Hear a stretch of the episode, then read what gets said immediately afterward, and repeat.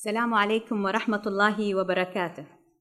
أرحب بتواجد الجميع في منتدى الثلاثاء الثقافية الموسم 22 والندوة 25 بعنوان السعودية الخضراء واستراتيجية حماية البيئة. بداية أحب أن أشكر جميع المتواجدين والمتواجدات في هذا المنتدى الثقافي، وهذه الأمسية بإذن الله أن تكون رائعة بتواجدكم. الشكر الجزيل لضيفاتنا وضيوفنا الكرام وضيفة الشرف الأستاذة حميدة الفنانة حميدة السنان والفنان حمزة الفهيد والشاعر المتألق الأستاذ حبيب المعاتيق. والشكر الجزيل لمحاضرين في هذه الليلة الأستاذ طلال والأستاذ إحسان الناظري. وأخص بالشكر المنظمين لهذه الندوة المنتدى أعضاء وعضوات المنتدى الثلاثاء الثقافي الساعين لنجاح هذه الأمسيات وتطور المجتمع بتزامن ما يحدث مع الرؤية.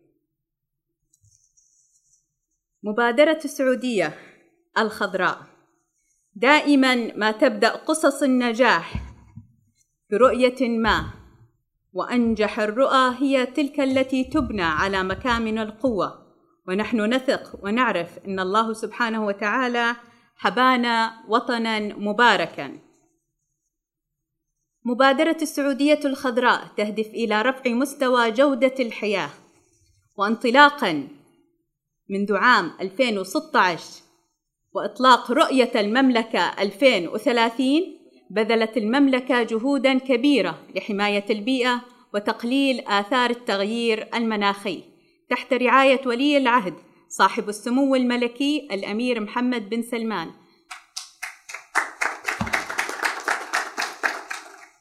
تساهم مبادرة السعودية الخضراء اليوم بتعزيز هذه الجهود من خلال توحيد جميع الخطط الرامية إلى تحقيق الاستدامة في المملكة وزيادة الاعتماد على الطاقة النظيفة وتخفيض انبعاثات الكربون ومكافحة التغير المناخي. ومع إطلاق مبادرة السعودية الخضراء تجدد المملكة إيمانها بمستقبل مستدام للجميع. ولقد كشف منتدى مبادرة السعودية الخضراء الذي عقد في أكتوبر 2021 عن حزمة, عن حزمة أولى تزيد عن 60 مبادرة ومشروعا جديدا في إطار مبادرة السعودية الخضراء. تصل قيمة الاستثمارات فيها إلى أكثر من 700 700 مليار ريال سعودي للمساهمة في تنمية الاقتصاد الأخضر. حيث تلعب المملكة العربية السعودية دورا محوريا في الجهود العالمية. وتجمع مبادرة السعودية الخضراء بين حماية البيئة تحويل الطاقة وبرامج الاستدامة لتحقيق ثلاثة أهداف شاملة إلى بناء مستقبل مستدام للجميع. وأهدافها تقليل الانبعاثات الكربونية تشجير السعودية حماية المناطق البرية والبحرية ورفع نسبة المناطق المحمية إلى أكثر من 30% من إجمالي المساحات البرية والبحرية. وفي أمسيتنا هذه الليلة سنتطرق إلى بعض المحاور وأهمها المبادرات البيئية الجديدة للمملكة، تنمية الاقتصاد الأخضر والفرص الاستثمارية، البيئة البحرية، وحماية المنغروف وعي المجتمع ودوره في حماية البيئة. وسيكون محاضرين الأستاذ طلال بن سلطان الرشيد رئيس لجنة البيئة بغرفة الشرقية والأستاذ حسين بن حج بن حج الناظري باحث ومستشار في البيئة البحرية. يترأسون أمسية السعودية الخضراء واستراتيجية حماية البيئة. بداية سيكون معنا المحاضر الأول الأستاذ طلال بن سلطان الرشيد. تحية له. مستشار بيئي وصاحب مكتب الطاقة الخليجية للاستشارات والدراسات البيئية حاصل على ماجستير إدارة بيئية. لديه دكتوراه فخرية في الإدارة البيئية من جامعة نيوكاسل نيوكاسل الإنجليزية. مؤسس ورئيس مجلس إدارة جمعية أصدقاء البيئة. رئيس لجنة البيئة بغرفة الشرقية لدور لدورة 16 و17 و18 سفير أممي في الشراكة المجتمعية لبرنامج الأمم المتحدة للإنفاق العالمي محكم للمشاريع الشبابية للبيئة بالهيئة العامة للبيئة بدولة الكويت حاز على عدة جوائز في مجال الإنجاز والتميز والمسؤولية المجتمعية للشركات. سيكون وقته إن شاء الله 25 دقيقة. سنتناول معه بعض المحاور وفي نهاية ختام أمسيتنا سيكون هناك وقت للمداخلات. الله يعطيكم العافية مساكم الله بالخير. صراحة أنا صار لي مكلمني أخوي أبو هادي وأنا مجهز كلام أبي أكتبه. بس لما أشوف البيئة ما شاء الله البيئة الثقافية قريبة على البيئة اللي إحنا نعمل فيها. فهذا شجعني نتكلم من القلب للقلب على البيئة. فالورق الكلام اللي كاتبينه إحنا بحاجة له لنشرح فيها. فيعطيكم العافية وأنا تشرفت اليوم في الحضور معاكم والمشاركة في المنتدى المتميز هذا الثقافي الثقافة البيئية اللي موجودة. إحنا دائما نتكلم على أنواع البيئة البيئات اللي موجودة. بيئة ثقافية بيئة سياحية بيئة صناعية. دائما إحنا نتكلم الكلام هذا. هذه إحدى البيئات اللي إحنا حاليا موجودين فيها البيئة الثقافية اللي لها ما شاء الله سنوات عديدة ولها السمعة الطيبة. ويعني كان فيها الناس النخبة ولو ما اهتمامكم في الثقافة وفي البيئة الثقافية ما كان وجودكم موجودين. ونشكر اخونا المهندس جعفر الشايب على الإتاحة للقطاع البيئي. وأنا أشوف الإخوان البيئيين موجودين منهم جعفر الصفواني من الناس الرموز اللي موجودين. يعني صراحة وحامي البيئة في المنطقة وأخوي حسين الناظري من المهتم فيها وهو يعمل في الوزارة. آه، إذا بغينا نتكلم عن البيئة آه، صراحة البيئة عالم كبير سواء البيئة الصناعية ولا السياحية ولا البحرية نتكلم عنها نعجز ياخذ لنا أيام فيها. بالنسبة إحنا مجالنا لما نتكلم عن البيئة كانت عندنا البيئة يسمونها الرئاسة العامة للأرصاد وحماية البيئة في السابق فكانت هي تابع تحت مظلة وزارة الدفاع لايام الأمير سلطان الله يرحمه. بعدين طور الموضوع صار في تطوير في في المجال البيئي أصبحت الهيئة العامة للأرصاد وحماية البيئة صارت هيئة مستقلة لنفسها تعمل في المجال البيئه وحصل فيها بعد التطويرات فيها. بعد التقدم والطفره اللي عندنا ورؤية المملكة والتطور اللي صاير عندنا والقفزات اللي نعمل فيها حولوها إلى وزارة. الوزارة تحت مظلتها وزارة البيئة والمياه والزراعة، طبعا كلها سواء المياه والزراعة تعتمد على البيئة، تحتاج إلى بيئة مناسبة للزراعة وللمياه. ف قامت بدورها الوزارة بتقسيم آه، كانت اللي تسمى الهيئة العامة للبيئة قسمتها إلى خمس مراكز مركز الالتزام والرقابة البيئية مركز إدارة النفايات مركز الغطاء النباتي مركز عندنا الحياة الفطرية مركز الأرصاد. فهذا سهل الأمور لأن اتضح لنا من تقسيمها إلى مراكز. كل واحد عليه مهمة كبيرة. أي مركز من المراكز يتحمل آه، يعني كان العبء تحت هيئة ما تؤدي الدور نفس ما صارت الحين في المراكز. كل مركز متخصص في عمليات البيئية اللي خاصة فيه من جميع التخصصات. صار التطور عندنا آه، مثل ما تفضل في العرض آه، عندنا تقليل الكربون عندنا فيها آه، مع زيادة الرقعة الخضراء مع مركز غطاء النباتي. آه، الكثافة عندنا حاليا في عدد السكان والمباني وزيادة في المصانع. المصانع كل يوم تتطور عندنا وافتتاح مصانع مدن صناعية جديدة متطورة. لهذا السبب كثرة المصانع أكيد فيها انبعاثات كربونية منها. فنحتاج إلى تقليل الانبعاثات الكربونية الموجودة فالدراسات والأبحاث اللي صارت عن طريق الوزارات والشراكة بين الوزارات تقليلها في الطرق السليمة آه، في استخدام مثلا آه، زيادة الرقعة النباتية في الزراعة اللي تشوفونها في الأيام هذه في جميعها عمل المحميات المحميات اللي موجودة حاليا آه، للمقاومة التصحر اللي صار عندنا خلال الفترة السابقة من الرعي الجائر والتحطيب الجائر. فنحتاج إلى توازن بيئي. البيئة دائما يعني إحدى المواقف اللي تصير عندنا نخفي على أكثر الناس ما يعرفونها.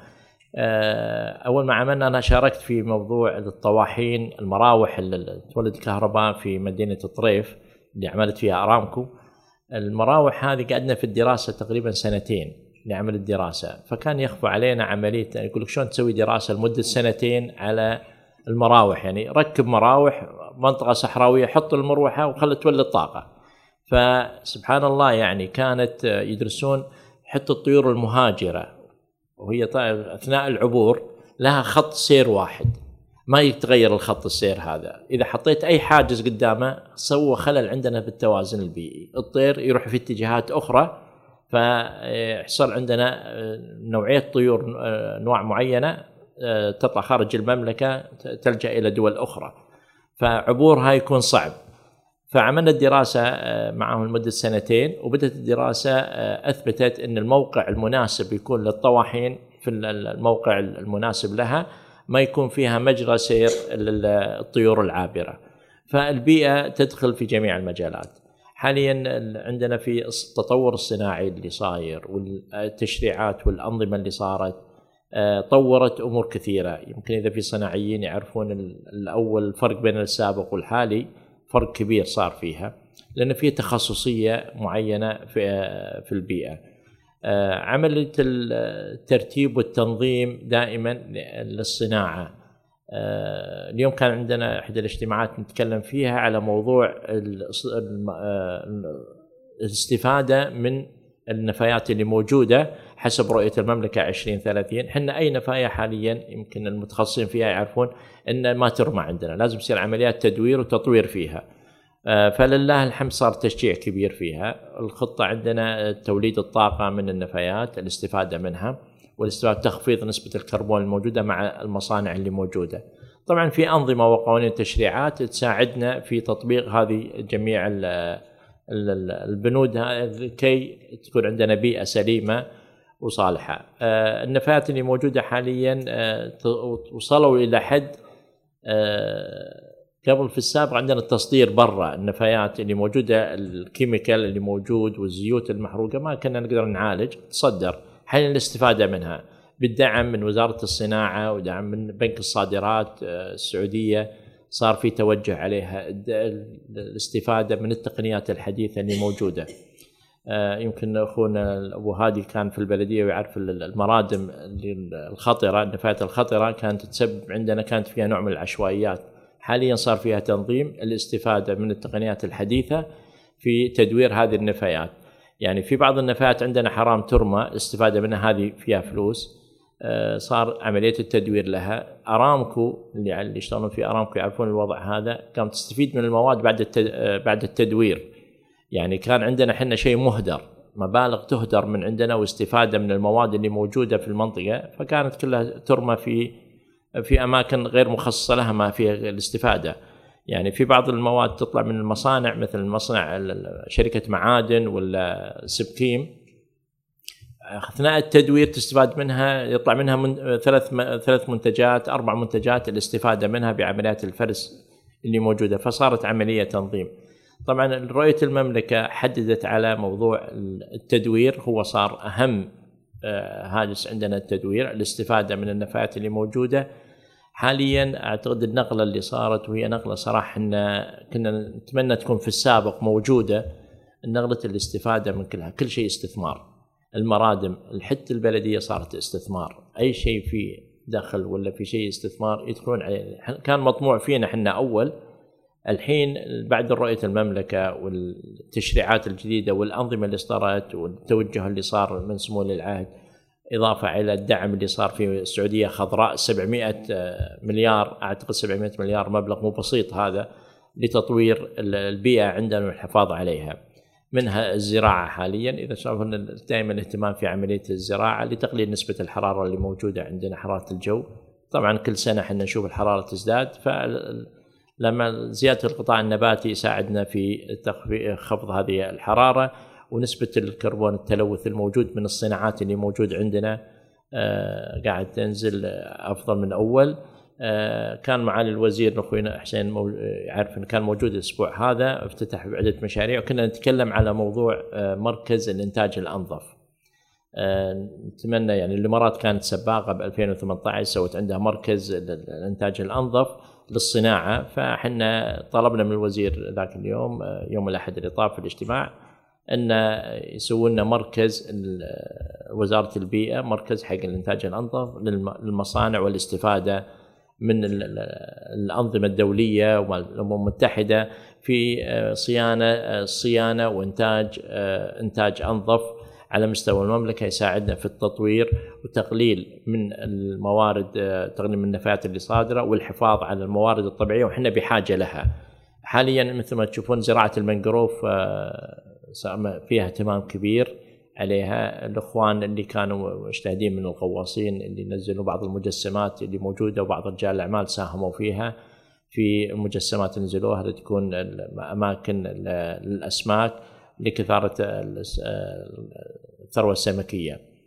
عندنا الهيئة أعتقد سووا هيئة للسلاحف، الهيئة السلاحف كان يمكن الخبراء في البحار عندهم أكثر ولا الناس المتخصصة في البيئة البحرية يعرفون الشيء هذا. في أنواع سلاحف نادرة تكون في المملكة العربية السعودية. في دول الخليج كل دولة فيها عدد من السلاحف اللي تكون تجي للبلد هذه. فحاولوا إن بعد التقرير كان الأمم المتحدة كانوا شارع فيها أحد الدكاترة اللي موجودين فرفع تقرير فيها لسمو العهد وتمت الموافقة في إنشاء هيئة للسلاحف متخصصة فيها. لأن في عندنا أنواع نادرة اللي تكون في المملكة والحفاظ عليها هذا البيئة البحرية؟ ومثل ما أنتم شايفين أعتقد التطور اللي صاير في البيئة البحرية حاليا أعتقد في دراسات للشواطئ المملكة عامه بدوا في البحر الأحمر الإخوان أعتقد رفعوا التقارير فيها خلصوا وبعدين فيها في الخليج قبل شهر كانوا موجودين الإخوان من مركز الالتزام البيئي في أخذ العينات والمسح الكلي لدول الخليج للاستفاده منها وزراعه المنجروف لأن أتضح لهم المنجروف هو أهم أهم مثلا زراعة تكون للبيئة البحرية اللي تساعدنا في زيادة الثروة السمكية اللي موجودة عندنا. الخوف من اللي موجود مثلا من التسربات النفطية من المشاكل البيئية اللي تحصل اللي في البحار تأثر على البيئة البحرية. الغطاء النباتي ساعدت جدا في التوازن البيئي في الأماكن المخصصة فيها سواء المحميات كانت ثروة حيوانية أم كانت زراعة المحميات اللي موجودة فيها يعني إحنا نفرح لما نشوف الحين أكثر المحميات أنواع الأشجار اللي فيها الأشجار البرية اللي قرضت من زمان. وحاليا بدأ المهتمين فيها في تطويرها مرة أخرى في زراعتها والحفاظ عليها لترجع طبيعتنا كما كانت. طبعا هو اللي ساعد معنا قرار المرسوم الملكي اللي صدر من منع دول الخليج من الرعي في المملكة العربية السعودية لأن كانت هي المرتع الوحيد لدول الخليج. يكون هو جاي من دولته من دول الخليج هم إخوان وهنا وكل بس ما نبي التعدي على البيئة صارت مضر لنا. يعني لما يجي وقت الربيع ما نلقى شيء مكان لا ما في نبتة خضراء. وإذا بدينا في الزراعة الموجودة الحيوانات تكون أنتم كرامة. يعني كانت كل الأعشاب اللي موجودة وأثرت على بيئتنا وصارت بيئة صحراوية. فلله الحمد بعد القرار هذا ساعدنا في بعض المحميات. ما شاء الله لما تطلع فيها. كل القضاء النوير الأشجار القديمة كلها بدأت تطلع عندنا. والازدياد في الحياة الفطرية في إطلاق الغزلان اللي موجودة اللي كذا عشان تكون في مواكبة عندنا وتوازن بيئي. لأن سبحان الله كل شيء يركب مع فيها. إذا فقدنا شيء من جزء من ولا نسل من هذه الحيوانات يأثر على شيء ثاني. فرب خلقنا في ميزان. فالميزان هذا هو الحياة في كل حاجة سواء عند البشر عند البيئة البحرية عند البيئة الصح. هي ميزان موجودة. فساعدونا فيها في التطور اللي صاير من الحياة الفطرية. إذا جينا مثل حتى تخصصنا إحنا اللي نعمل فيه مع الصناعات صراحة نشوف تطور كبير جدا. وكوني أرأس جمعية أصدقاء البيئة إحنا نزلنا مبادرة قبل فترة كانت مبادرة يعني صراحة نفتخر فيها المنطقة الشرقية. كنا نزلنا مبادرة عن المصنع المثالي. فلله الحمد تم تكريم المصانع المثالية وكان في تطوير عند المصانع والحفاظ عليها.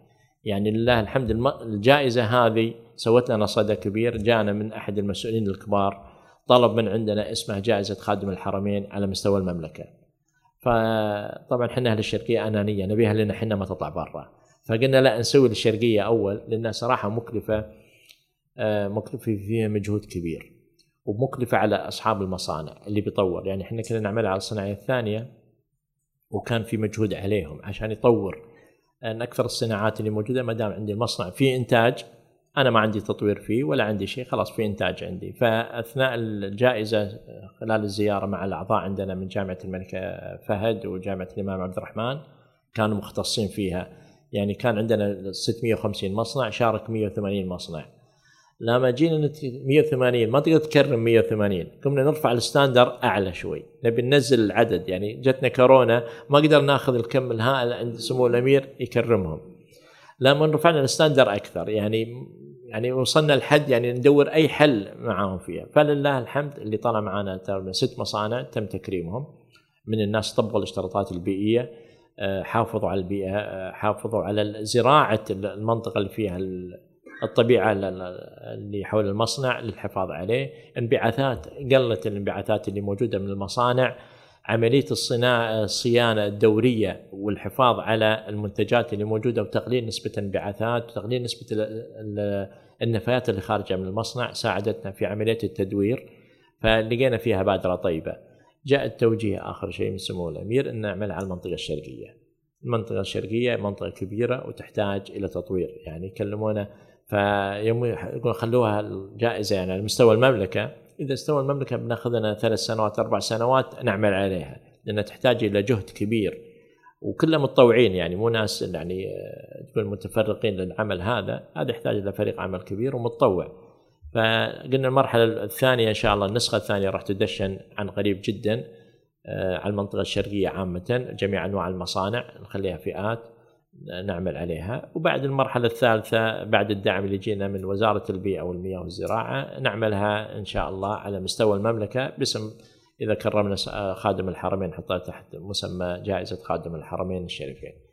آه، عندنا التطور اللي صاير في عمليات التدوير اللي نشوفه حاليا آه، ما شاء الله إحنا قفزنا قفزة كبيرة وأعتقد الصناعيين يعرفون الشيء هذا.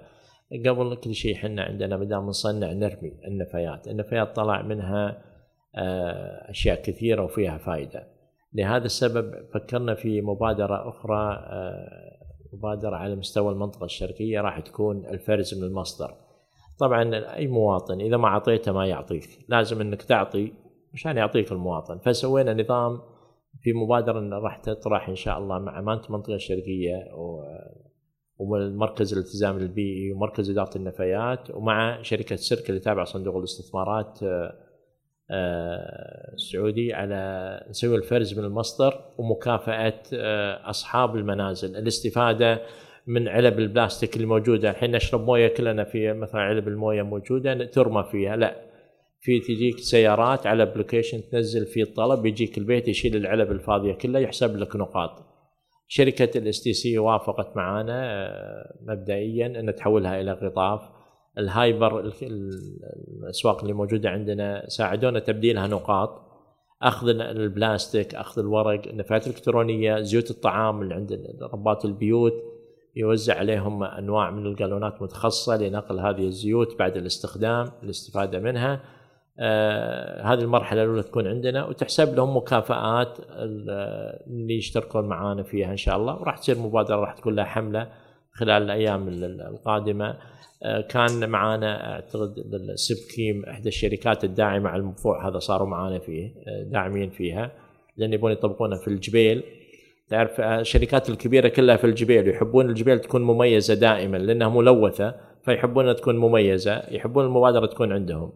فإن شاء الله راح يساعدونا فيها. آه، اعتقد أبو محمد معانا بنك الرياض ترى كانوا معانا أول معلومة يدري فيها وهو من بنك الرياض. آه، بنك الرياض ساعدنا في عمليات النقاط عندهم. يسوون يشاركون معنا دعم استراتيجي في عمليات النقاط تكون لتشجيع المواطنين. فهذه مبادرة إن شاء الله راح تكون بداية على مستوى المنطقة الشرقية. والمرحلة الثانية نسختها بعد تجربتها إذا إن شاء الله. الاتفاق مع الجهات الحكومية العليا اتفقنا إحنا معاهم إذا نجحت خلال سنة وشفنا فيها بادرة طيبة تطبق على مستوى المملكة من منطقة لمنطقه فيها إن شاء الله تكون فيها. طبعا إحنا الجمعية أنا بتكلم يعني بالنشاط البيئي عامة ما دام الجو بيئي بيئي ثقافي بيئي سياحي بيئي زراعي نتكلم فيه. الجمعية استغلال البيئه تعمل آه، طبعا عدد متطوعين كثير فيها في عندها مبادرات في عندها مشاركات منها الزراعة أعتقد أنا في كذا مدرسة من المدارس اللي موجودة في آه، محافظة القطيف شاركوا معنا في حملات كثيرة سواء الزراعة ولا تنظيف آه، في الشواطئ اللي كنا نساهم فيها. طبعا نهجنا نهج جديد في الجمعية سميناها القادة المستقبل.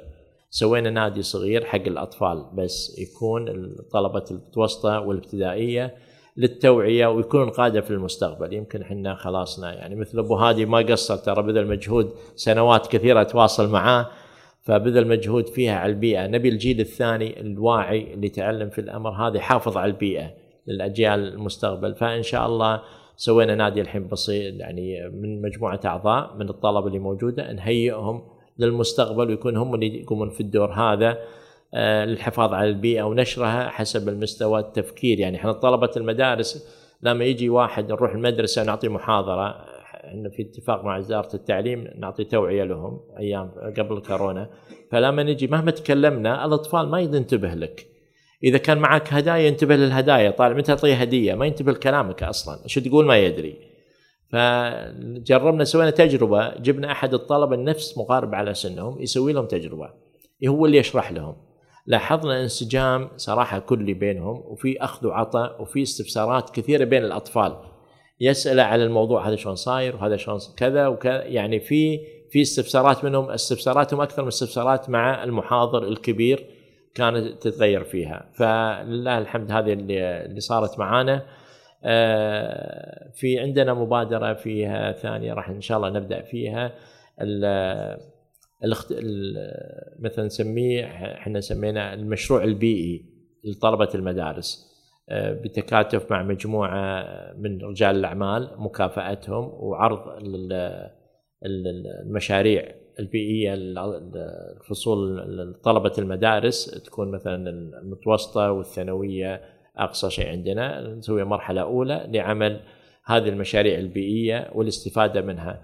طبعا اتفقنا مع غرفة التجاريه مع رجال الأعمال إنه يتبنى أي مشروع كان مجدي يكون للعمل فيه وتطويره فبعض التجار يعني ما قصروا معانا بعطونا مبادرة ان بدعمنا لهذه المبادرات والمساهمة فيها في دعم المشاريع. آه، أنا شاكر لكم ما بيطول عليكم الوقت محدود وما شاء الله عليكم. يعني أنا سعيد جدا يعني اليوم إني أكون مع هالنخبه ومع البيئة الثقافية اللي مزجها لنا أبو هادي مع البيئة الطبيعية والبيئة الزراعية يعني خطانا بيئة جو بيئي صراحة صحي نستفيد منه. إحنا شاكرين لكم جدا وآسف على الإطالة.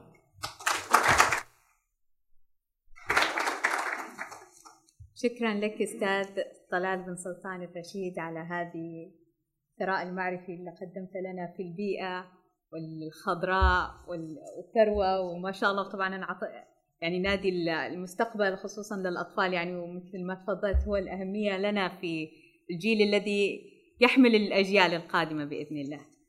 والآن مع الأستاذ حسين حجي أحمد الناظري يعمل حاليا مدير لإدارة الثروة السمكية بفرع وزارة البيئة والمياه والزراعة بالمنطقة الشرقية حاصل على درجة حاصل على درجة الماجستير في العلوم تخصص التنوع الإيحائي من كلية العلوم بجامعة الملك سعود بالرياض. عمل أخصائي بيئة بحرية وباحث مشارك مع عدة فرق ومنظمات بحثية عربية ودولية. تنقل في عدة إدارات للدراسات والمعلومات حول الثروة السمكية في مدن ساحلية مختلفة في المملكة. حاضر في محاضر في عدة مؤتمرات وورش عمل تخصصية داخل وخارج المملكة. شارك في إعداد وإصدار عدة أدلة ونشرات كما نشرت له مقالات في مجالات متخصصة بالبيئة البحرية. البيئة البحرية والأهمية الاقتصادية مع الأستاذ حسين الناظري. يعطيكم العافية ومساء الخير جميعا. أبو سلمان طبعا ما قصرت يمكن قضيت على نص المحاضرة اللي راح أقولها. لكن إن شاء الله يعني راح نبدأ. أنا متعمد طبعا اعرض السلايد اللي موجود قدامكم لهدف معين. أتمنى إنه يبقى بس في الذاكرة حتى نوصل إلى مرحلة التعليق على هذا السلايد. راح أتكلم طبعا عن البيئة البحرية. يمكن البيئة البحرية معروفة بالنسبة لنا هي جزء لا يتجزأ من عالم البحار. وهي أصلا المكون الرئيسي تواجد اللي هو الأسماك وعديد من التنوع الأحيائية البحرية ولا ننسى أنه الكرة الأرضية تقريبا اللي هو ثلثينها أو 75% يشكلها اللي هو المحيطات والبحار. آه، طبعا راح تك... المكونات البيئة البحرية طبعا هي تتكون مكونات أساسية اللي هي عندنا المياه المالحة وأيضا الكائنات البحرية والنباتات البحرية والشعاب المرجانية أنا بحاول أكون سريع ط... أبو سلمان ما شاء الله غطى بعض الأجزاء حرقها علينا لكن نحاول نتلافاها آه، طبعا تقسيم سريع اللي هو التقسيمات البيئية للبيئة البحرية في عدة مدارس موجودة. انتهجت عدة مقومات أو عدة محاور حتى توصل إلى تقسيم محدد. كل مدرسة من المدارس العلمية الموجودة اللي قسمت البيئة البحرية أو عدة بيئات قسمتها بهدف محدد وفق للدراسة اللي هي تعمل عليها. أحد الدراسات اللي قدامنا راح أطرح اللي هو مدرستين. المدرسة الأولى قسمت اللي هو البيئة البحرية إلى نطاق البيئة المفتوحة وبيئة اللي هي القاع البحر. أيضا هذه التقسيمات لها عدة تقسيمات ولها عدة اللي هي آه، أمور. زي ما إحنا شايفين الآن المياه المفتوحة أيضا قسموها إلى قسمين. المنطقة الشاطئية وتمتد إلى اللي هو ال 200 متر وأيضا في منطقة المحيطية تحت المنطقة المحيطية الأخرى والمنطقة الوسطية تمتد إلى 1000 متر. وعندنا المياه العميقة توصل إلى ثلاثة أو أربعة كيلو والمنطقة الأغوار اللي هي السحيقة توصل 11 كيلو. عندنا البحر الأحمر طبعا اللي هو في نقطة تعتبر اللي هو سحيقة أطلق عليها أطلانتك. أيضا عندنا اللي هو متوسط العمق عندنا في الخليج العربي 65 متر. طبعا يوصل أكثر من كذا لكن في المتوسط. هذه أحد اللي هي النطاقات. النطاق الثاني طبعا اللي هي نطاق بيئة اللي هي القاعيات وهذه تمتد اللي هو إلى قاع البحر اللي هي ما بعد الأغوار والأغوار السحيقة. المدرسة الأخرى قسمت اللي هو عدة تقسيمات منها اللي هي بيئة المد والجزر أو ال tidal zone وهي المعروفة المنطقة اللي ينحسر عنها اللي هو الماي. في أثناء اللي هو ال lowest tide وال high tide تكون هذه المنطقة هي يطلق عليها منطقة المد والجزر. هذه المنطقة فيها قيمة من التنوع الأحيائي جدا كبير لا يستهان فيه ومع الأسف هي البيئة اللي قاعد يحصل عليها تدمير. وراح نتطرق لها فيما بعد إن شاء الله. طبعا عندنا البيئة الثانية اللي هي بيئة المانجروف وهذه أيضا بيئة لا يستهان فيها. يعني لو نتكلم على مستوى اللي هو بعض الأحياء الدقيقة اللي موجودة فيها في عندنا بس ديدان 65 نوع من أنواع الديدان. 230 نوع من أنواع الطيور اللي موجودة فيها. وما بالكم الحلزونات الرخويات الصغيرة هي بيئة جاذبة لعدد من الأحياء البحرية. طبعا خلوني أسب في النقطة هذه يمكن ما تطرق لها أبو سلمان أنا بتطرق لها. وعندنا بعد أبو هادي عراب المنجروف موجود وكلنا نتعلم منه. طبعا الشجرة بالتحديد اللي موجودة عندنا قدام سبحان الله شجرة عجيبة جدا. من عجابتها في تكوينها الإلهي أنها تحتوي على جذور زيها زي النباتات الأخرى اللي موجودة في البر لكن الجذور نوعين اللي موجودة فيها. جذور تنفسية تنمو عكس الجاذبية الأرضية وتطلع اللي هي خارج سطح الماء اللي هي تعتبر اللي هو التنفس. هذه لها طبعا فوائد جدا غير إن الجذور التثبيت اللي هو النبتة. الجذور هذه طبعا فائدتها أو النبات ككل فائدته أول شيء يخفف لنا اللي هي درجات الملوحة اللي موجودة في الماء. الجزء الخضري في أعلى اللي هو الماء يسبب لي اللي هو مظلة يظلل اللي هو تحت يحجب اللي هو أشعة الشمس توصل بشكل مباشر إلى الماء اللي موجود تحت. بالتالي راح يعطيني درجة حرارة مثالية لنمو وحضانة اللي هي صغار الأسماك والربيان.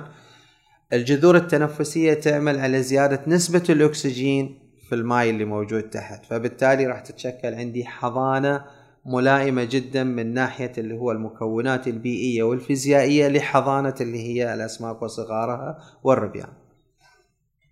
طيب عندنا الآن اللي هي بيئة الشعاب المرجانية. طبعا هي تعتبر مكون بارز من مكونات اللي هو البحر وهو يعتبر اللي هو المأوى لكثير من الأسماك البحرية. طبعا يحتوي على تقريبا خم يعني المتر المتر المربع يحتوي تقريبا على 65 اللي هو طن اللي هو من الأسماك آه، في الكيلو عفوا في الكيلو.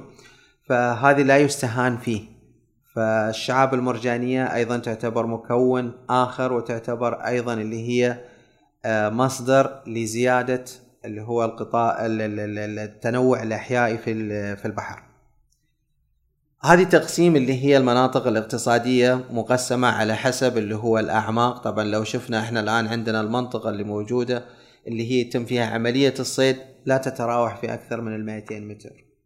هذه المناطق اللي إحنا نصيد فيها من المناطق الشاطئية حتى عمق اللي هي ال 200 متر اللي يتم اللي هو الاصطياد فيها. طبعا يعتمد على حسب المواقع. إحنا ممكن ما نوصل عندنا البحر الأحمر يصير فيه لكن الصيد حتى اللي موجود في البحر الأحمر الصيد يكون باستخدام اللي هو الخيط والسنارة وأغلبهم يجيبوا نوع واحد أو نوعين من الأسماك اللي يطلق عليها اللي هي أسماك الصرع أو أسماك اللي هي صرع الباحة مسماها كذا صرع أو صرع الباحة. طيب كل هالمكونات اللي إحنا تكلمنا عنها وكبيئة راح يقودني إلى السلايد التالي. بالتالي أهمية هالبيئة البحرية.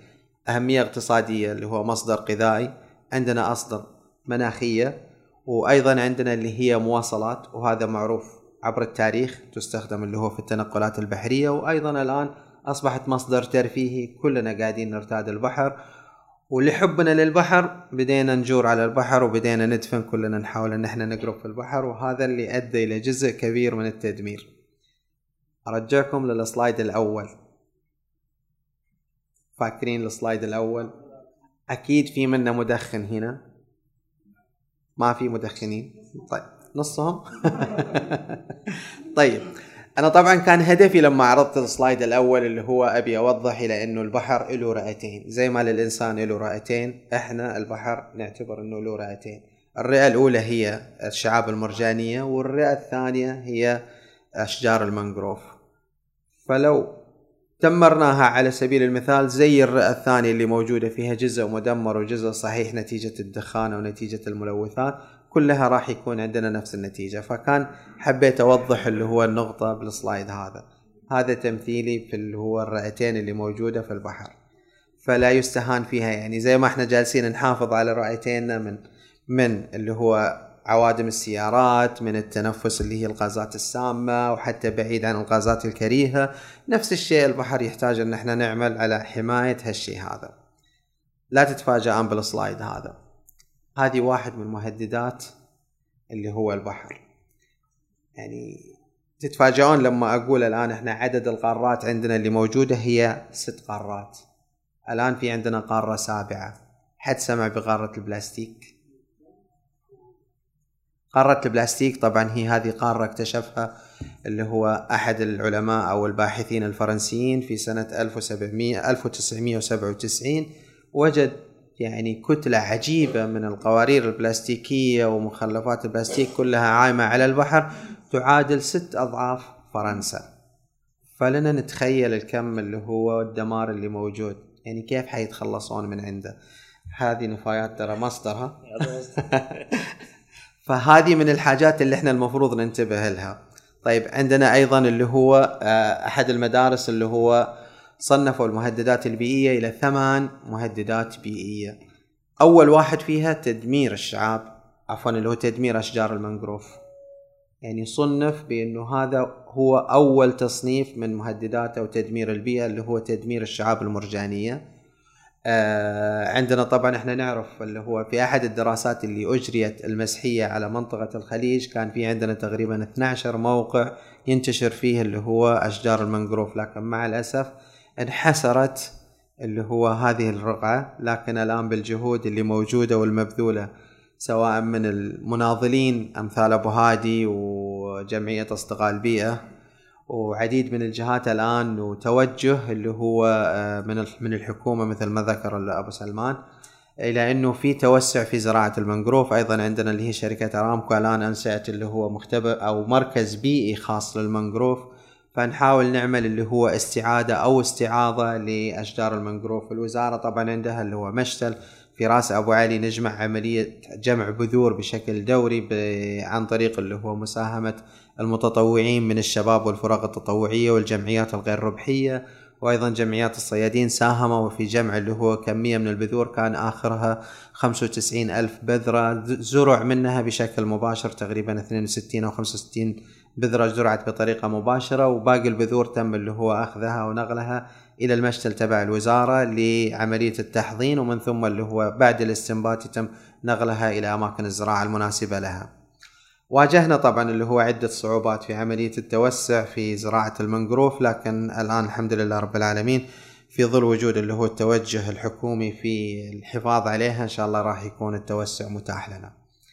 آه، المهدد الثاني طبعا اللي هو فقدان الشعاب المرجانية، الشعاب المرجانية طبعا اللي هو في كثير من المهددات تهددها، عندنا أول حاجة الابيضاض الشعاب المرجانية ناتج عن طريق اللي هو ارتفاع درجات الحرارة. فيما سبق طبعا وأيضا عندنا اللي هي عمليات الردم والتجريف اللي تتم عندنا. أيضا نتيجة اللي هو انسكاب اللي هو النفط أو البترول. أيضا عندنا مكبات الصرف الصحي. كل هذه الأمور اللي هو أدت أو تؤدي إلى انحسار وتدهور اللي هو بيئة الشعب المرجانية. عندنا من أفضل الجزر اللي موجودة في الخليج العربي جزيرة جنة وهذه كانت دراسة عليها. أنا عامل الدراسة حقت الماستر كان عليها. كنت أدرس اللي هو التنوع اللي موجود تنوع الأسماك مربوط بالشعاب المرجانية في في نفس الجزيرة. آه لوحظ في فترة من الفترات إنه حصل انحسار في فترة اللي هو ارتفاع درجات الحرارة في التسعينات في الثمانينات والتسعينات. لكن في الآونة الأخيرة في استعاضة بدأت اللي هو الشعاب المرجانية آه انها تستعيد اللي هو وضعها الطبيعي في بعض الأنواع طبعا الشعاب المرجانية عالم عجيب له عدة أنواع العجيب في هالشيء هذا إنه عندنا نوع من أنواع الشعاب المرجانية نتيجة لتحمل درجات الملوحة العالية ودرجات الحرارة العالية أصبح يميز منطقة الخليج عندنا.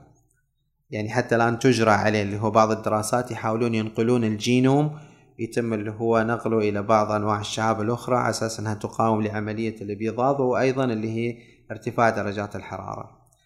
عندنا من المهددات الأخرى اللي هي التلوث اللي هو المياه سواء عن طريق اللي هو الانسكاب اللي هو البترول أو عن طريق اللي هو كب الصرف الصحي مباشر أو عن طريق اللي هو صرف مياه التوازن وأيضا مياه التوازن الآن اللي هو اللي يكون مع الناقلات فرض عليهم اللي هو قيود جدا قوية بحيث أنها تعمل عملية قتل كامل لما يكون في اللي هو مياه التوازن قبل دخولها للبحر أو للمنطقة اللي راح تعبي منها لأنه ضروري يكون اللي هو السفن أو ناقلات النفط يكون فيها اللي هي المياه للتوازن حتى تحفظ عملية الملاحة حقها.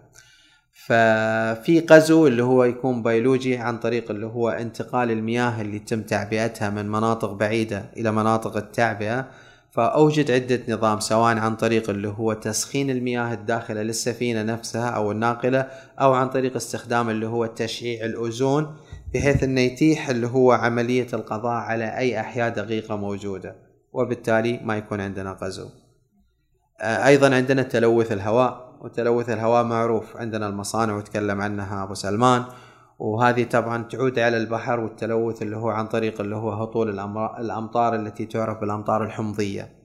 بالتالي تعمل على تغيير نسبة اللي هو التركيبة الكيميائية أو الفيزيائية في الماء والقضاء اللي هو على التنوع الموجود فيه. عندنا الخامس اللي هي النفايات الصلبة. مع الأسف يمكن لو أقول لكم الصورة هذه اللي فيها القواص تراها موجودة في جدة.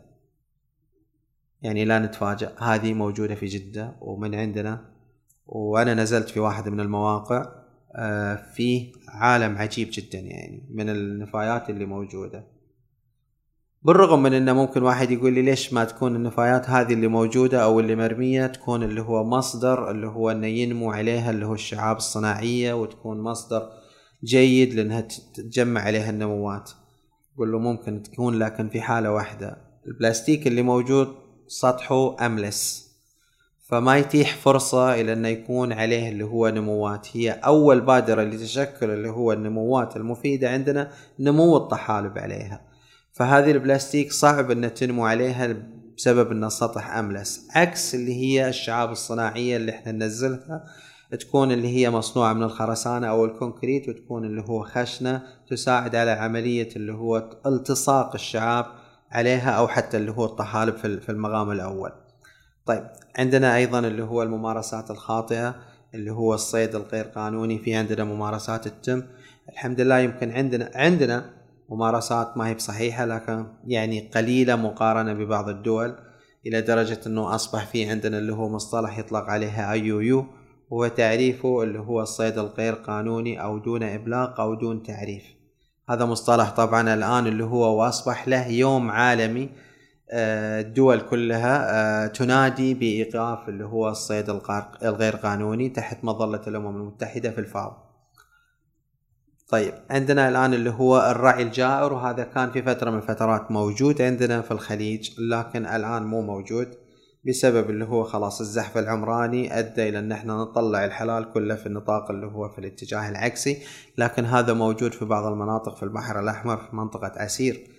يوجد اللي هو رعي موجود لكن مو رعي جائر آه، لكن توجد الجمال. شفناها على الطبيعة ترعى. غير الجمال أيضا اللي هو الماشية الأخرى. أعزكم الله أيضا شفناها ترعى في بيئة اللي هو المنجروف وللعجيب أنه أشجار المنجروف البذرة حقتها أصلا يستخدموها أيضا حتى في تغذية اللي هو الخيل.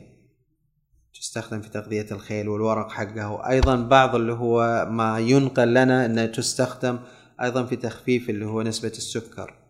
يعني في من جرب وحاول يستخدمها كطب شعبي في تخفيف اللي هو السكر في الدم.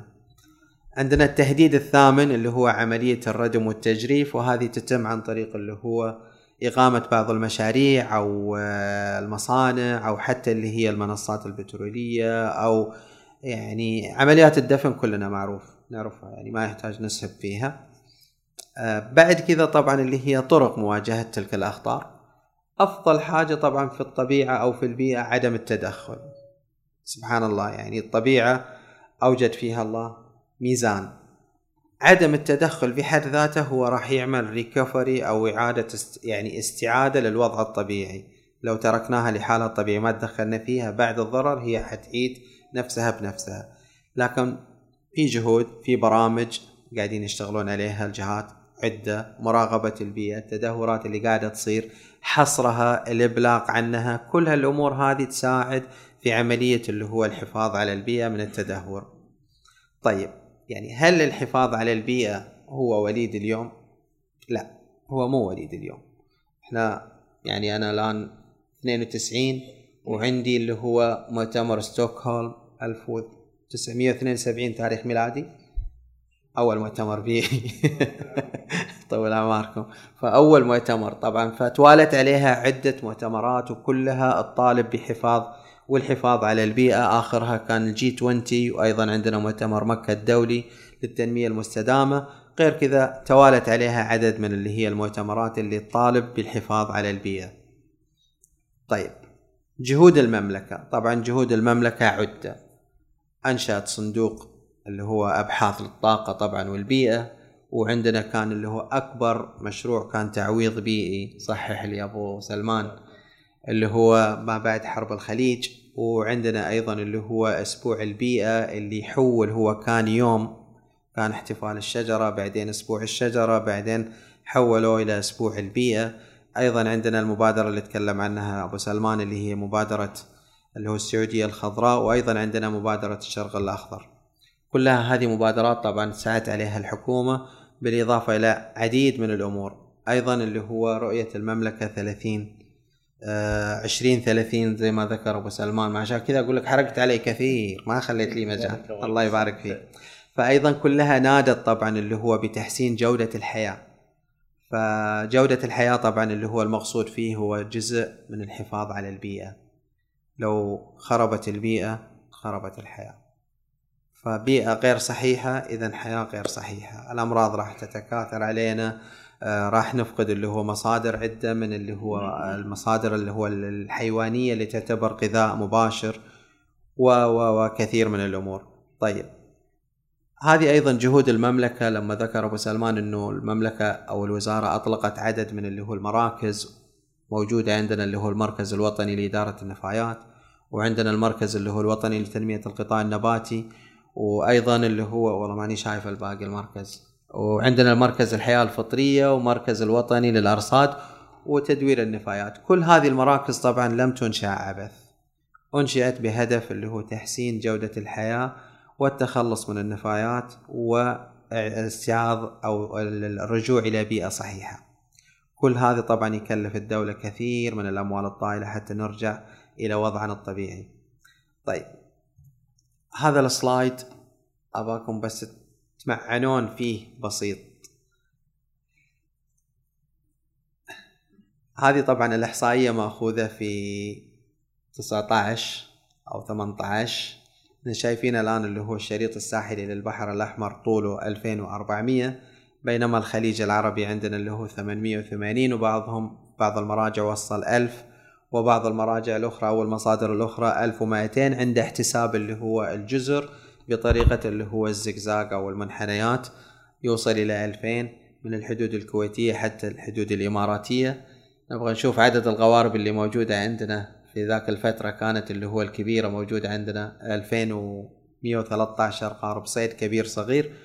وبينما البحر الأحمر عندي اللي هو 5000 حول ال 300 عدد الصيادين 2000 قرابة الثلاثة آلاف هنا عدد الصيادين لكن هناك البحر الأحمر قرابة الستة آلاف صياد.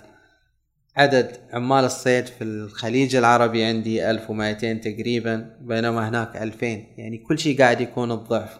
عدد عمال الأجانب عندي 8000 وشوي هناك 9000 وشوي. تتخيلون يعني الآن الفرق ما بين الطول ما بين البحر الأحمر والخليج العربي تقريبا النص. تتوقعون إنتاج البحر الأحمر أعلى من إنتاج الخليج العربي أو لا؟ الخليج العربي أعلى؟ ليش؟ كيف؟ هذه واحد من الأسباب. إحنا في نعمة يمكن مو مو الكل يدري عنها. يعني إحنا في نعمة لكن بالرغم من ذلك إحنا جالسين ندمر هذه النعمة. بالتعدي عليها سواء بالزحف على اللي هو أشجار المنغروف أو حتى تكسير الشعاب المرجانية. ففعلا اللي هو يعادل 63% من إنزال المملكة أو من إنتاج المملكة من المصايد كله. يعني لو قلنا 100% فالخليج العربي الإنتاج حقه يعادل 63% فأشكركم وأتمنى أني أضفت معلومات إلى معلوماتكم اللي بالعكس أنا أستفيد منها.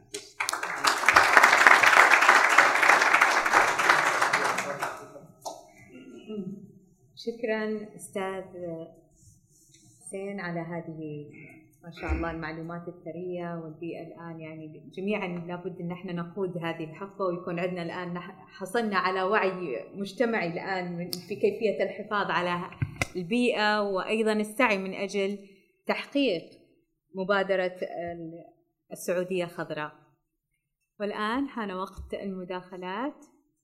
أول شيء مساكم الله بالخير وأشكر الأستاذ جعفر على الدعوة الجميلة وبارك للجميع التكريم وأشكركم جميعا على المحاضرة الاسم لو كرمت. دكتور سعيد الحمدان ناشط اجتماعي وليس بيئي بس قائد كشفي وعورت قلبي الليلة صراحة لأن البيئة تتدمر كل يوم وكل يوم ورا يوم تتدمر البيئة والسبب لا أحد غير هالإنسان هال اللي مدمر البيئة. طبعا أنا كان عندي تمنيت تعرفت على الأستاذ طلال قبل أنا كان عندي أنا قائد كشفي والآن رائد. آه، عملت معرض كشفي بيئي سميته بيئتي. تمنيت تحضره أنت والمجموعه كلها. للأسف بعد التقاعد الآن ما عندنا إلا أنشطة مع الرواد. تمنيت بس تذكروا دور الكشافة الجميل والرائد صراحة على مستوى المملكة لأن لهم دور يعني كبير في الحفاظ على البيئة. كل ما أروح مؤتمر بيئي ما يذكر اسم الكشافة. صراحة لهم دور وكنت أتمنى انه يعني يذكر في أي محفل ما في. آه هذه مداخلتي بس وأشكركم. وطبعا الحاجة الثانية على فكرة آه نفس البحث اللي أنت عملته أنا عملته في منتدى حقل أو ملتقى حقل في تنظيف البيئة واشتركت فيه بعد في تنظيف البيئة في الجبيل وكان لنا دور كبير والحمد لله فرقة الكشافة في صفوة أخذت الوفد المثالي في حقل وفي شو اسمه في الجبيل شكرا لكم. تعليق بس. تعليق طبعا بس إذا تسمح لي سيدي الكريم. آه، بالنسبة حق اللي هو دار, دار الكشافة أو فرق الكشافة بالعكس بالنسبة لنا إحنا معنا تجربة. آه، آخرها كانت تقريبا اللي هو منذ شهر أو شهرين مع انطلاق القافلة الإرشادية اللي كانت على كورنيش القطيف بمشاركة طبعا اللي هو العبندي. آه الله يذكره بالخير مع فرقة من اللي هو مدرسة سنابس المتوسطة.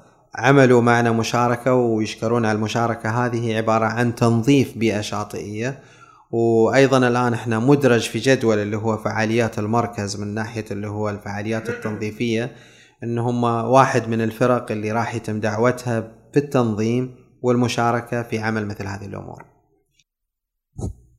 السلام عليكم جميعا عباس شبركة متقاعد من ارامكو مهندس وصديق جعفر الصفواني.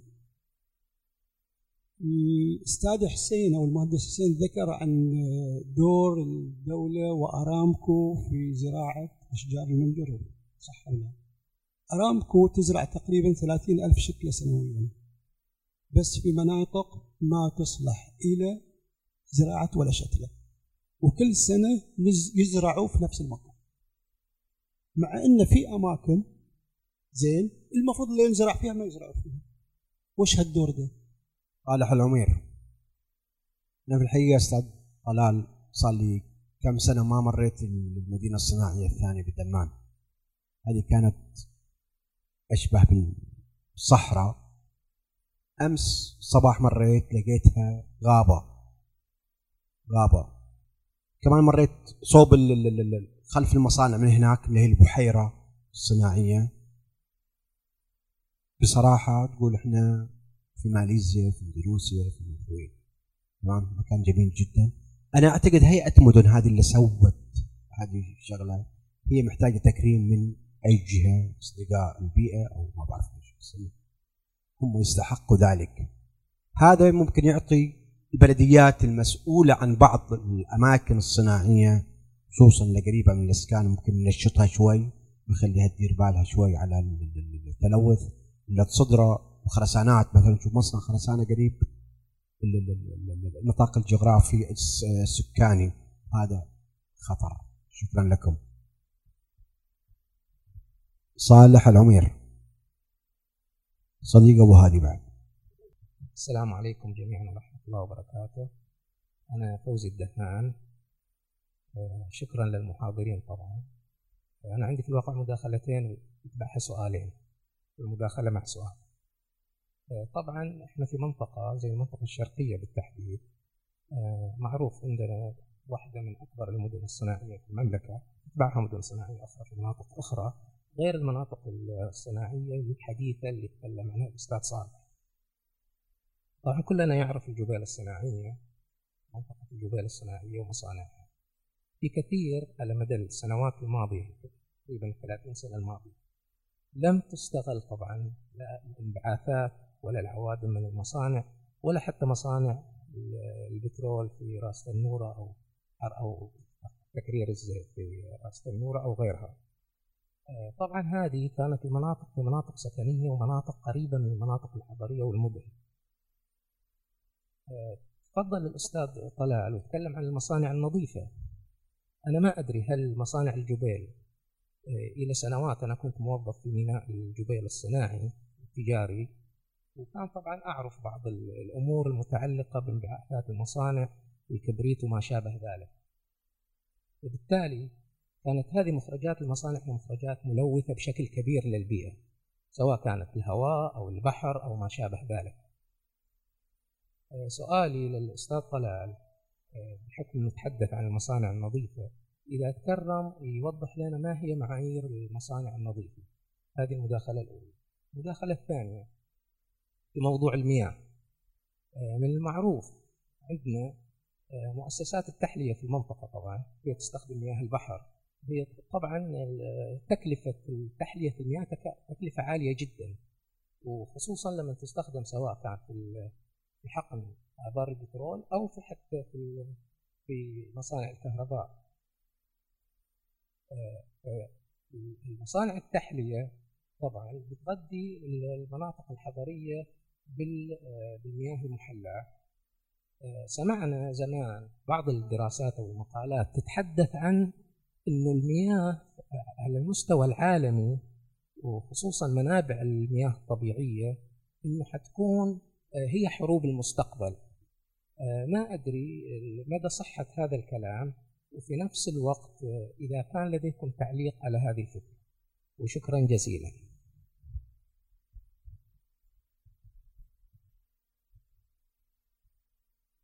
هل يوجد أي مداخلات كذلك؟ تفضل. في يوجد ناخذ هناك وبعدين نرجع للصفوف الأمامية.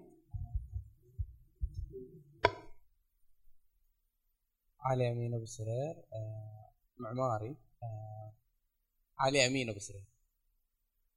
آه، معماري. طبعا يعني أنتم مهتمين في البيئة من ناحية البحر وكذا إحنا مهتمين ببيئة عيشة الإنسان داخل البيوت وكذا. وتجربته يعني. المعماري العدل نفس الشيء يهتم من ناحية البيئة كيف عيشه الشخص نفسه والأشجار كيف يتفاعل مداخلتي هي من ناحية الخرسانة اللي هو المرجان الاصطناعي خرسانة. ليش ما عندنا مثلا كرنيشاتنا اللي هو الأحجار الموجودة هذه مكان يتجمع فيه النفايات وغير صالح ليش ما تتبدل هذه اللي هو حق اللي هو الأحجار الموجودة بالخرسانه الخرسانه المرجان الاصطناعي نفس الوقت تعطي تجربه إلى المستخدمين الكورنيش نفسه. ناحيه بنشوفوا الأسماك تحت هاي بتعطيهم تجربة أفضل. بتحافظ على البيئة. وليش ما نكثر من ناحية المنقروف لأن هذه الأشياء اثنينهم ديله بيفيدوا من ناحية يعني ارتفاع مستوى المياه. هذه مشكلة كبيرة عن الواجهه البلدان كاملة. فهذه الأشياء ليش ما تستخدم عندنا هنا في المنطقة؟ نكون مبادرين.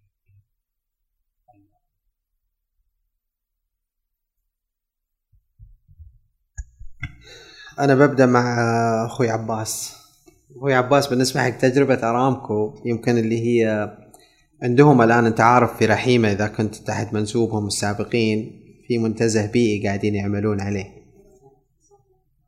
طيب. في صفوة. آه سمعت فيه رحت زرت شيء.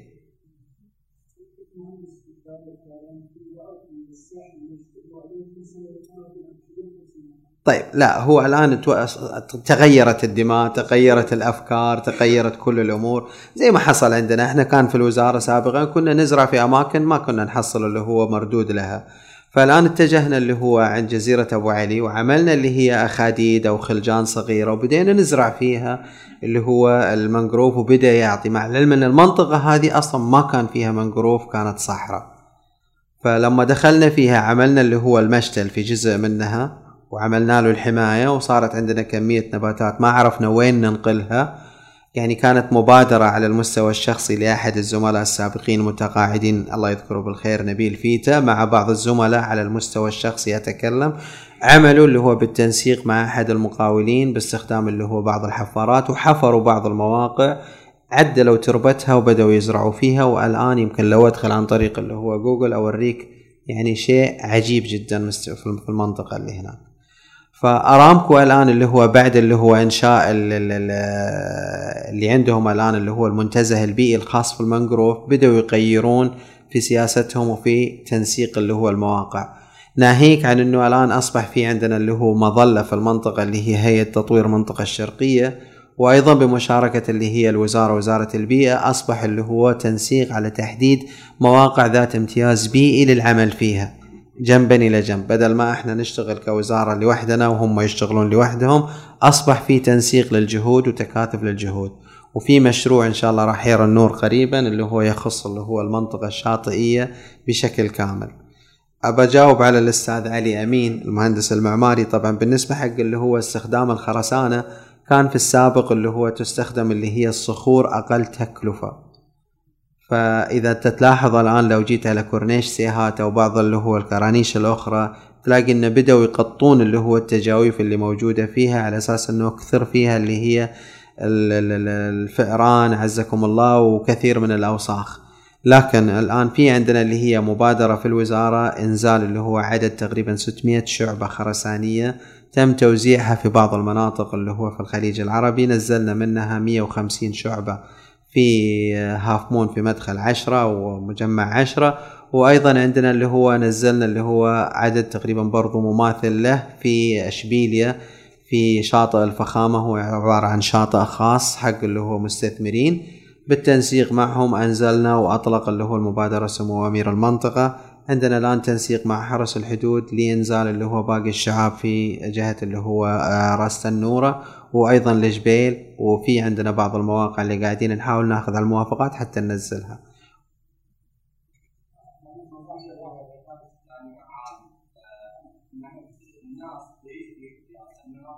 جميل.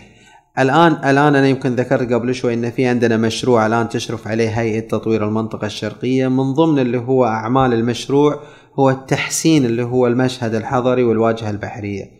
وإن شاء الله قريبا يرى النور وكلنا راح نستمتع اللي هو بالتغييرات اللي راح تحدث عليه سواء من تحسين البيئة الموجودة بيئة المياه الموجودة أو حتى اللي هو أشكال اللي هو الخرسانية المستخدمة فيه. لأنه الواجهة الجمالية مطلب ومطلب حضاري وهذا من ضمن اللي هو المشروع اللي قاعدين يدرسونه من خلال الهيئة. الإجابات الباقية عندك. يعطيك العافية. زراعة المنقروف ترى أرامكو تزرع منقروف كفارة عن الأخطاء لأن التلوث يعني. معروفة. أنا بغيت أتكلم عن أخوي صالح لما يتكلم بالنسبة على مدن فعلا إحنا كرمنا مدن وكرمهم سمو الأمير على الأعمال اللي قاموا فيها وكان عن طريق جمعيه استقلال البيئة. لأن في مذكرة تفاهم بيننا وبينهم. السؤال بالنسبة لمصانع الخرسانة اللي بين البيوت مثلا ولا كذا. طبعا لها اشتراطات معينة تطبق حسب النظام البيئي آه، فيها إذا كان طبقت في عملية الفلاتر وعمليه عمل الخزانات اللي الدست اللي طالع من عندها يكون ما يطلع خارجي يكون داخلي فيها والاستفادة من الغبار اللي طالع منها في اعاده التصنيع فأكثر المصانع الحين طبقتها وصارت لله الحمد حسب الاشتراطات الجديدة كلها آمنة ما فيها أي حاجة. بالنسبة للأستاذ الفاضل أنا تكلمت عن الإنتاج الأنظف وليست المصنع الأنظف. الإنتاج الانظف في الصناعة هو عملية الصيانة الدورية للصناعة والحفاظ على الموارد الطبيعية، ما في مصنع نتكلم فيها.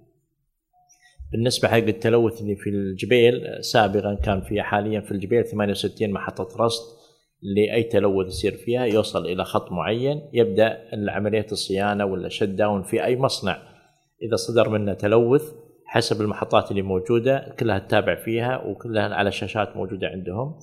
فأي تلوث ارتفع نسبته يبدأ مراقبة هذا المصنع في تخفيض من التلوث اللي فيها. آه، بالنسبة للمياه آه، أنا أعتقد ما في حقن عندنا مثل ما تفضلت اللي تقول عنه ما في حقن هي فيها. آه، طبعا الاستفادة منها حاليا في محطة أعتقد في محطة راح تصير في رأس الخير جديدة حاليا قائمة عليها شركة. التطور اللي فيها. أما نسبة الحقل مو موجودة هي عندنا بالنسبة حق المياه. أعتقد هذه أسئلتك اللي فيها. شكرا. لكم في هنا بعض المداخلات. بسم الله الرحمن الرحيم. بسم الله والحمد لله. الصلاة والسلام على رسول الله سيدنا محمد عليه أفضل الصلاة وأتم التسليم. أخوكم اللواء عبد الله بن علي البوشي. كنت مدير إدارة سجون المنطقة الشرقية سابقا وحاليا ناشط اجتماعي بالمنطقة الشرقية وخارجها. تقريبا عندي سؤالين. سؤال للأستاذ حسين. كان أول في الزمان أطلع قبل حوالي ثلاثين سنة لما نطلع من الدمام إلى القطيف كان شجر المنقروف مغطى البحر ما شاء الله. جاءت المخططات ودفنوه وراح صار الأسماك اللي تعيش عليه راحت جوا في البحر لدرجة أن السمك بعدها ارتفع أسعاره في المنطقة كلها. أنا أقول هذا سبب يعني. كمان في سؤال لأخي وزميلي أستاذ طلال الرشيد. تكلم هو على أنه يدربون شباب على أساس يحل الجيل السابق فيما بعد على عملية البيئة وأم البيئة. ما قال دور الفتاة.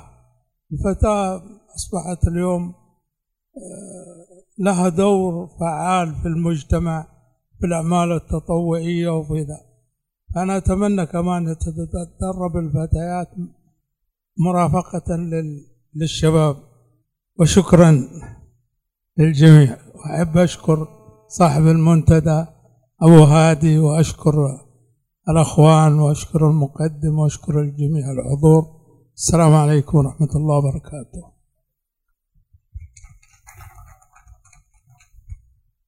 السلام عليكم. معكم ضياء شعبان الريش زراعي في وزارة الزراعة والمياه. زميل الاخ حسين. آه، السؤال إلى الأستاذ طلال رشيد ذكرت عدة مرات خلال القاء المحاضرة الجميلة آه، مشكلة التلوث بالنسبة للمصانع. ولكن وزارة البيئة لها مخلفات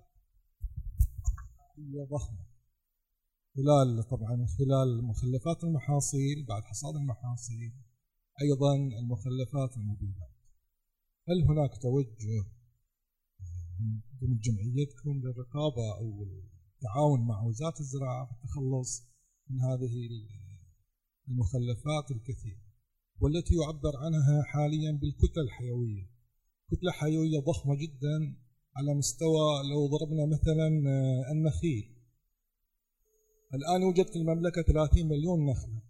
كل نخلة تقريبا تنتج 60 كيلو جرام من مخلفات التقليم.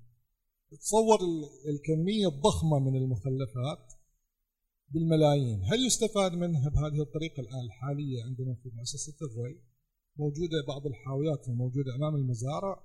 يتم جمع الأنقاض بشكل بسيط وتنقل للحرق طبعا هناك مخلفات كربونية عالية جدا تؤثر على طبقة الأوزون وكما ذكر الأخ حسين أن ستوكهولم جرى فيه مؤتمر ومنع بعض المخلفات الزراعية من ضمنها غاز بروميد الميثان ما أدري هل هناك توجه لتحويل في طريقة سهلة جدا لتحويل هذه المخلفات إلى قيمة عالية جدا وهناك أبحاث كثيرة في جامعة الملك فيصل للاستفادة من المخلفات الزراعية ولعلكم تستغربون لو أذكر أن حتى الوقود الحفوري اللي يجي من البترول ممكن إنتاجه من هذه الكتب طبعا أتصور هناك طريقة واستخدامها في هذه المخلفات بتحويلها إلى كومبوست زراعي. الكومبوست هو عبارة عن ذبال نتيجة تحلل المواد الكربوهيدراتية والسليلوز الموجود في هذه المخلفات ويباع بشكل جدا عالي يعني مثل الآن موجود ال humus في الدمام مؤسسات الزراعيه ب 40 ريال لل 50 كيلو جرام نتصور الآن في بلدية الدمام مشتل الوزارة بسيهات عنده طريقة لتحويل مخلفات الزراعية لكمبوست توزع على المزارعين وبالتالي نستفيد في عملية التدوير. ليست الصناعة فقط هي سبب التلوث وإنما الزراعة وأي نشاط زراعي وراءه تقريبا مخلفات كثيرة. نرجع للمبيدات أيضا عبوات المبيدات هل هناك دراسة للخلاص منها بطريقة علمية صحيه أو لا؟ كما هو معلوم التلوث بالمبيدات له أثر على الصحة وبالذات الأمراض السرطانية والتخلص من العبوات بالذات هذه طريقه صعبة جدا وتحتاج إلى تصور تصور الجمعية لها يعني أو يكون لها دور في هذا المجال. شكرا جزيلا.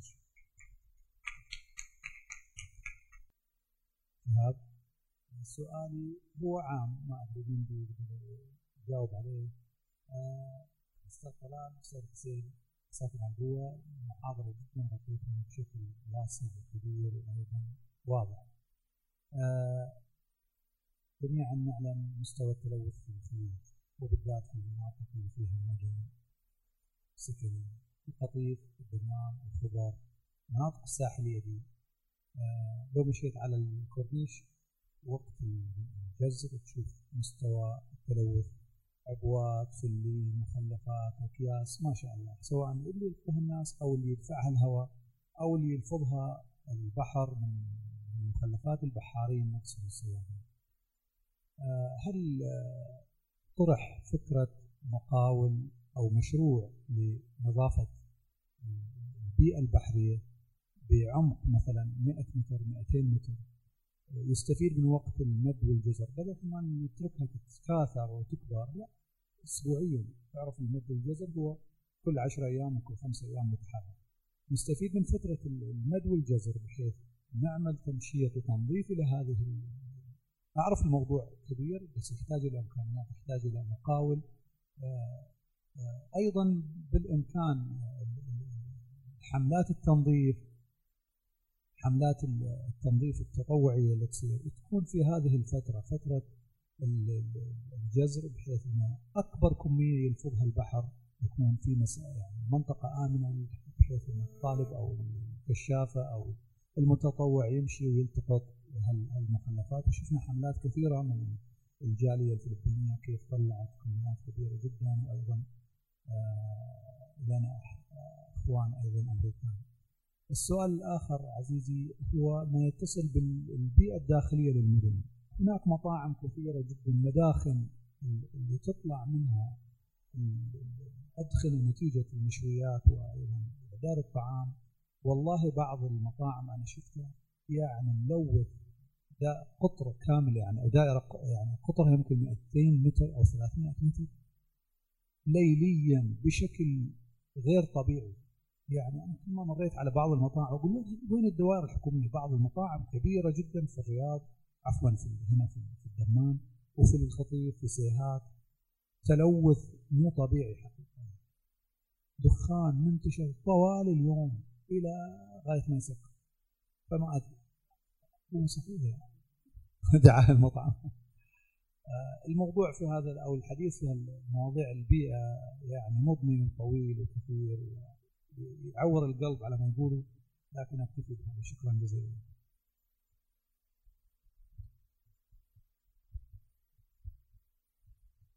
السلام عليكم. مساء الخير. حميد الرميتي أنا من الإمارات. الحقيقة اليوم أنا جاي وعندي مهمة واحدة.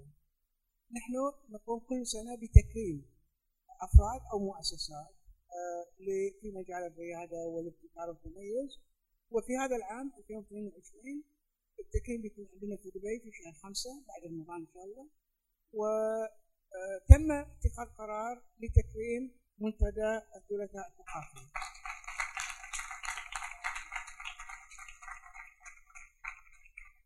الحقيقة أنا تابعت تابعت كذا جلسة من المنتدى الثقافي وقريت عنه يعني لكن كان في بس لغز واحد يعني اللي كان آه، ما كان واضح عندي ولذلك أنا جيت بنفسي اليوم. وهو أنه كيف يعني آه، آه، معرض الفنون التشكيلية قصيدة توقيع كتاب محاضرة مناقشات كلها في جلسة واحدة. هذه صراحة يعني كانت صعبة جدا هضمها ولكن ما شاء الله أنا أنا رأيتها اليوم وأستطيع أن أبصم حقيقة أنه ال- المنتدى من الألف إلى الياء من أول ما دخلنا إلى إلى هذه اللحظة باقتدار باقتدار والأستاذ جعفر حقيقة يستحق- كل التقدير. بارك الله فيكم شكرا جزيلا. آه، يعطيك العافية على الكلام الطيب واستاهل المنتدى الثلاث التكريم. أنا بالنسبة لأخونا الكبير أبو رامي آه، طبعا الجمعية عندي كلها النساء. الفتيات ما نسيناهم هم اللي ماسكين الإدارة كاملة ولا رجل عندي في الجمعية. الأمان أبدا. صراحة كل النساء اللي قايمين عليها والله والنعم فيهم يعني قايمين في دورهم كامل في التطوير اللي موجود فيه في عرض المبادرات. وأنا اعتقد يوم الأربعاء بكرة عندنا محاضرة اللي تديرها واحدة من الأخوات دائما فيها. فلله الحمد يعني ولا رجل يدخل الجمعية. أنا مخلي الجمعية النسوية بحتة يعني. ن- ن- ن- دورها دورها في البيئة صراحة يعني مقدامة في التطوير والتطوير والتدريب آه، صراحة خواتنا ما قصروا أثبتوا جدارتهم. لهذا السبب أنا ما دخلت أي عنصر رجال في الجمعية فهم كفوا للشيء هذا.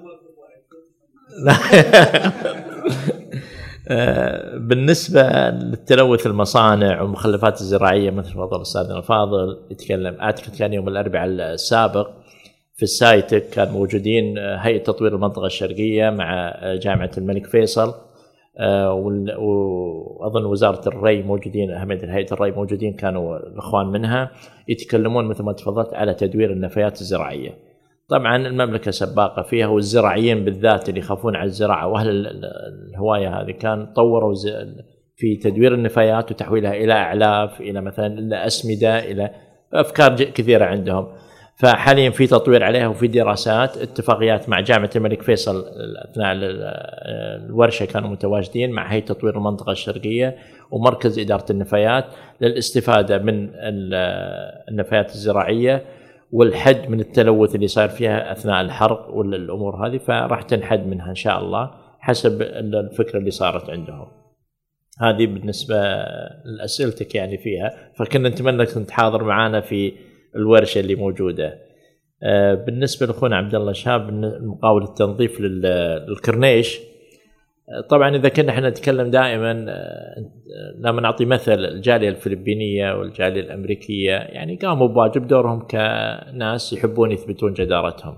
هذا يقدر ينظف الكرنيش يأخذ القرار اليوم يجمع فريق عالمي ينزل ما عنده أي مشكلة بس أنا كجمعية أكثر إذا في أحد من الجمعيات أخذ موافقات من الوزارة الإمارة تروح تاخذ عند تاخذ شهرين ثلاث عشان أنظف شاطئ. ما أقول لك أنا بعد شيء أكبر. فالإخوان ال- بالنسبة للجاليات الأخرى يسوون فريق عمل وينزل. وللأسف الإعلام اللي عندنا يمجد بالإخوان اللي فيها جزاهم الله خير وينسانا إحنا اللي نشتغل بالشغل النظامي. ما لقينا أي جهة إعلامية تدعمنا، إحنا نفتقر في الإعلام البيئي على مستوى المملكة. والبيئة ترى لو تشوف المجهودات اللي تقوم فيها الإخوان أعتقد حتى في القاعة هذه ناس مهتمة في البيئة وتتكلم. يعني ما في مثل اللي اللي دامج كل المهن هذه. أخونا جعفر صحفي وإضافة إلى ناشط بيئي ما أدري يمدح نفسه واللي يبي أحد يمدحونه فيه صراحة المجهودات اللي يقوم فيها. فهذه مشكلتنا يعني. أما تنظيف مقاول يقوم في التنظيف هذه أنا والله ما أعتقد. هذا عند الجهات المختصة سواء الحياة الفطرية يمكن هي تكون الجهة اللي تقدر انها مثلا تطرحها مناقصة ولا شيء لتنظيف هذه الشواطئ. هو هاجس كبير التلوث الشواطئ اللي عندنا من البلاستيك مثل ما تفضل أخوي حسين في العرض اللي عنده ترى البلاستيك سوى لنا هاجس كبير مثل نفس البلاستيك اللي في البحر اللي طرات في في البر يعني كلها متساوية معها. فنتمنى ليش لا نطرح على الإخوان اللي في آه، الحياة الفطرية نقدر نتواصل معاهم ونطرح عليهم الفكرة هذه ليش لا؟ الله يجزاك بالخير فيها. فما أدري الباقي بتكلم اي طرح مبادره عرضها إلى